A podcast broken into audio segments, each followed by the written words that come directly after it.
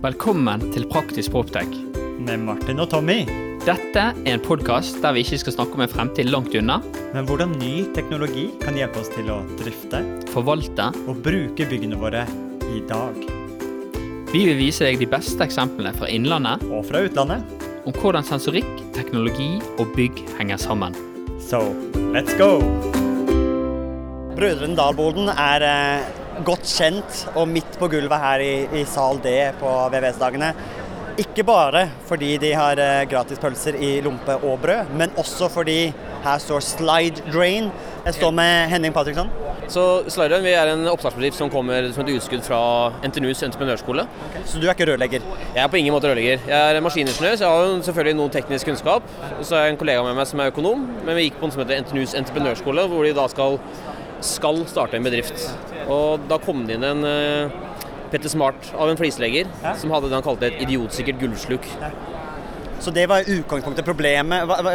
Ta- Jeg tenker Når man driver med produktutvikling, innovasjon, tenker man ok, vi skal løse et problem. Og dere har funnet et veldig veldig spesifikt, men kostbart problem eh, på baderomsluk. Ja. Så det, det denne Thomas Nygaard, som han heter, denne flisleggeren, kom med som en utfordring, var det gjøres når du installerer gulvsluket, og du legger påstøp for å dekke varmekabler og, og lage fall til sluket, så gjøres det mye installasjonsfeil. Og det vi har sett, da, at det, i dette, denne overgangen mellom membran, gulv og sluk, så skjer det hele 16 vannlekkasjer hver eneste dag, Oi. som akkumulerer opp til 320 millioner kroner årlig i forsikringskostnader. da. Og så prøvde vi å se hva er det som forårsaker disse kostnadene. da. Hva er det som er problemet her? Vi kunne ingenting om rørleggeryrket fra før av, som du nevnte, så vi måtte jo dypdykke litt. Finne ut, intervjuet masse, masse rørleggere. Og det som er største årsaken her, er det er noe som heter forhøyningsringer, som er en forlenger du må sette på når gulvstøpen legges. Ja. Og så er det en klemring oppe der. Den klemringen har som formål å, å forsegle overgangen eh, til gulvsluket, sånn at det blir tett og fint. Men der foregår det mye lekkasjer. De installeres feil, de installeres skeivt, og de er også kostbare komponenter. Og jeg tenker En grunn til at det er mye feil på sluk, baderomsluk og installasjon, er jeg tror det er overførbart til mange aspekter av VVS-bransjen. Det er to forskjellige fagpersoner som skal måtte samarbeide godt til å lykkes. Du har både rørleggeren, og så kommer flisleggeren. Ja. Og klart, Noe av det vi også merket her, da, at vi snakket med masse rørleggere, som sagt. Ingen av de gjorde feil. Men statistikken viser noe helt annet. Så da fant vi ut hva er, hva er problemet her? Jo, det er jo produktene som brukes en dag. De er ikke brukervennlige nok. Så den røde tråden har hele tiden vært å lage det mest mulig brukervennlig. Altså sette brukeren i sentrum, finne ut hva er det du faktisk vil ha, og hvordan kan det stå i krav til våtromsnormen og TEK17 og alle disse kravene som er fra utsiden. da. Så det vi har kommet opp med er et, et sluk som er mye mer fleksibelt til ulike høyder. Det er en slags teleskopløsning som gjør at dette høydeproblemet med hvor disse ekstra komponentene kreves, det elimineres fullstendig. Så har vi fjernet denne største årsaken til lekkasje, som er denne, en ekstra ring som forsegler eh, membranen der. Den er fjernet, og heller en påstøpt løsning, så den er ferdig, og du trenger ikke gjøre noe helst mer. Så har vi også et monteringsverktøy. Og det monteringsverktøyet gjør det egentlig bare enklere å legge støp, sånn at det, uansett hvilken høyde du legger for vår del innenfor 40 mm, så vil det passe. Så du har en eh, veldig stor fleksibilitet, og du har mindre mindre risiko for å gjøre feil. da, egentlig hele tanken Dere baker inn i produktet at eh, det å støpe er ofte noen feilmarginer som faktisk la, las Istedenfor at man plutselig da det er 10 mm ned til starten av sluket, og så må man begynne å bygge opp med løsninger som ikke er tette, så det legger høyde for at faktisk her kan vi støpe litt mer og mindre enn det vi egentlig hadde tiltenkt, så da tilpasser produktet seg den situasjonen. Det er helt korrekt. Det er jo litt vanskelig å forklare dette produktet og løsningen på, på lyd, men jeg legger i hvert fall med bilde i episoden, Ja. så kan vi prøve å vise fram hvordan det ser ut. Og så er det bare å gå inn på en webside, kanskje. Det er helt riktig. På slideren.no så finner du eh, veldig mye opplæringsmateriell, og du finner masse gode organisasjoner. Eh, og så må det nevnes helt på tampen at det som er litt prikken over i-en her, er at dette er laget i resirkulert plast. Så dette er garn og tauverk fra fiskeindustrien i Helgelandskysten som samles inn, granuleres opp og blir til nye produkter. Så det er vi eneste og første nå i innen sluksegmentet som har resirkulert. Og vi reduserer da eh, miljøpåkjenningen per gullsluk med ca. 80% da, per, eh, per sluk. Er det også da en fordel når vi tenker at det kommer en EU-taksonomi som setter nye krav på entreprenører og byggherrer på at de skal ha mer gjenbrukt og mer bærekraftige materialer inn i byggebransjen? Er det en eh, konkurransefortrinn dere har da? Det er spot on. Så når vi får på plass en EPD på dette her, altså en miljødeklarasjon, så vil jo nummer én så er det ikke noen miljødeklarasjoner på gulsluk den dag i dag. Så vil man vel være det eneste som har det. Men ikke minst så når andre får på plass det, så vil vi ha en veldig fordelaktig miljødeklarasjon. Og da er det jo det er klart det er billige poeng å hente når man skal etter hvert ha en Bream-sertifisering på et bygg, og man er avhengig av disse i forhold til EU-taksonomien som dere nevner. Sånt, da. Er det en grunn for at dere har fått et hjørne av Brødrene Dal? Hvorfor står dere her?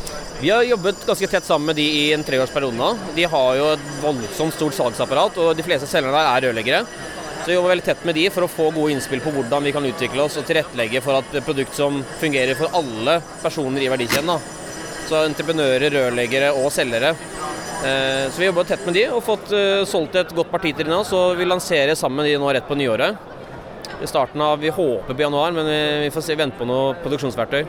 Så dette er helt uh, ny, kanskje ikke den standard eiendomsteknologien vi dekker her i Praktisk Protec, men det jeg uh, ble veldig nysgjerrig på og veldig gira på, var jo fremgangsmåten. Hvordan dere tenker og hvordan dere ser problemer i bransjen. Dere er ikke uh, bransjefolk, men kommer inn med en god, ny løsning. og Det er den tankegangen jeg tror også vi må se innenfor ventilasjonsfaget, automatikkfaget, varmeanlegg, rør, og også her nå på sluk. Ja, det er jo det er som jeg nevnte til deg før vi spilte en episode, her, det er noe som heter design thinking, heter det på godt norsk. Men eh, det det dreier seg om primært, er å sette brukeren i sentrum. Brukeren her er jo da rørleggeren og flisleggeren. Og finne ut hva er det de ønsker. Og så designe et produkt som tilrettelegger utelukkende for de, da. Og tar høyde for at ting skjer i virkeligheten, det er ting tar feil. Så det er egentlig en metodologi ja. for å gjøre innovasjon og produktutvikling. Tusen, tusen takk for en uh, inspirerende prat, og lykke til med lanseringen. Det ser ut som det er mye energi og buzz rundt boden her. Kanskje hjulpet at dere står rett ved siden av pølseboden. Definitivt. Pølsene er veldig gode. Strategisk valg.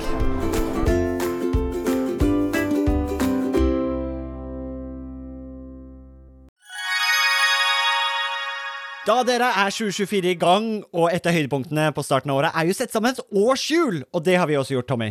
Ja, Akkurat nå sitter jeg og ringer rundt 25. og 26. april, for da skal vi på FTV-kongressen. Og det blir litt ekstra spesielt i år, Martin. Det var jo veldig spesielt i fjor òg, for jeg husker det vakre øyeblikket når eh, du og Magnus fra FTV-kongressen eh, preiket sammen og egentlig unnfanget og satt sammen en god idé.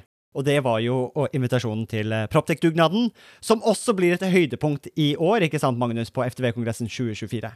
Jo, det stemmer det. Vi setter godt med plass i år til, til dugnaden.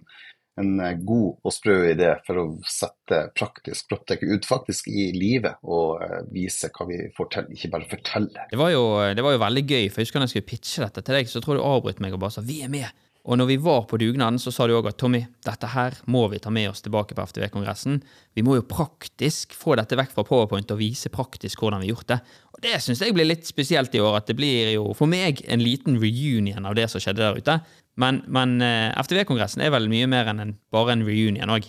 Jo da, det er en møteplass for eh, FTV Norge, og vi ønsker å skape det til en, en god møteplass for FTV Norge, som, som tross alt tar vare på Norges største fastlandsnæring. Og da skal vi da skal vi ha en god arena å møtes for å se på felles uh, utfordringer og problemer, men ikke minst hvordan vi kan løse ting fremover. Og så blir uh, dugnaden en sånn uh, bekreftelse på hvordan vi faktisk kan gjøre det, istedenfor å stå og bare høre om hvordan vi kunne ha gjort det. Det er veldig kult.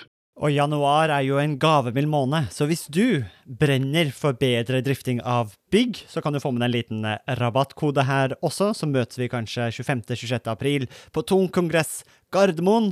Og den rabattkoden er ikke vanskeligere enn Praktisk Proptech med små bokstaver og uten mellomrom. Praktisk Proptech. Praktisk Proptech, små bokstaver, ingen mellomrom ett ord. ftvkongressen.no, der ser du programmet, det blir oppdatert i disse dagene, og så møtes vi i april. Vi ses! Vi ses!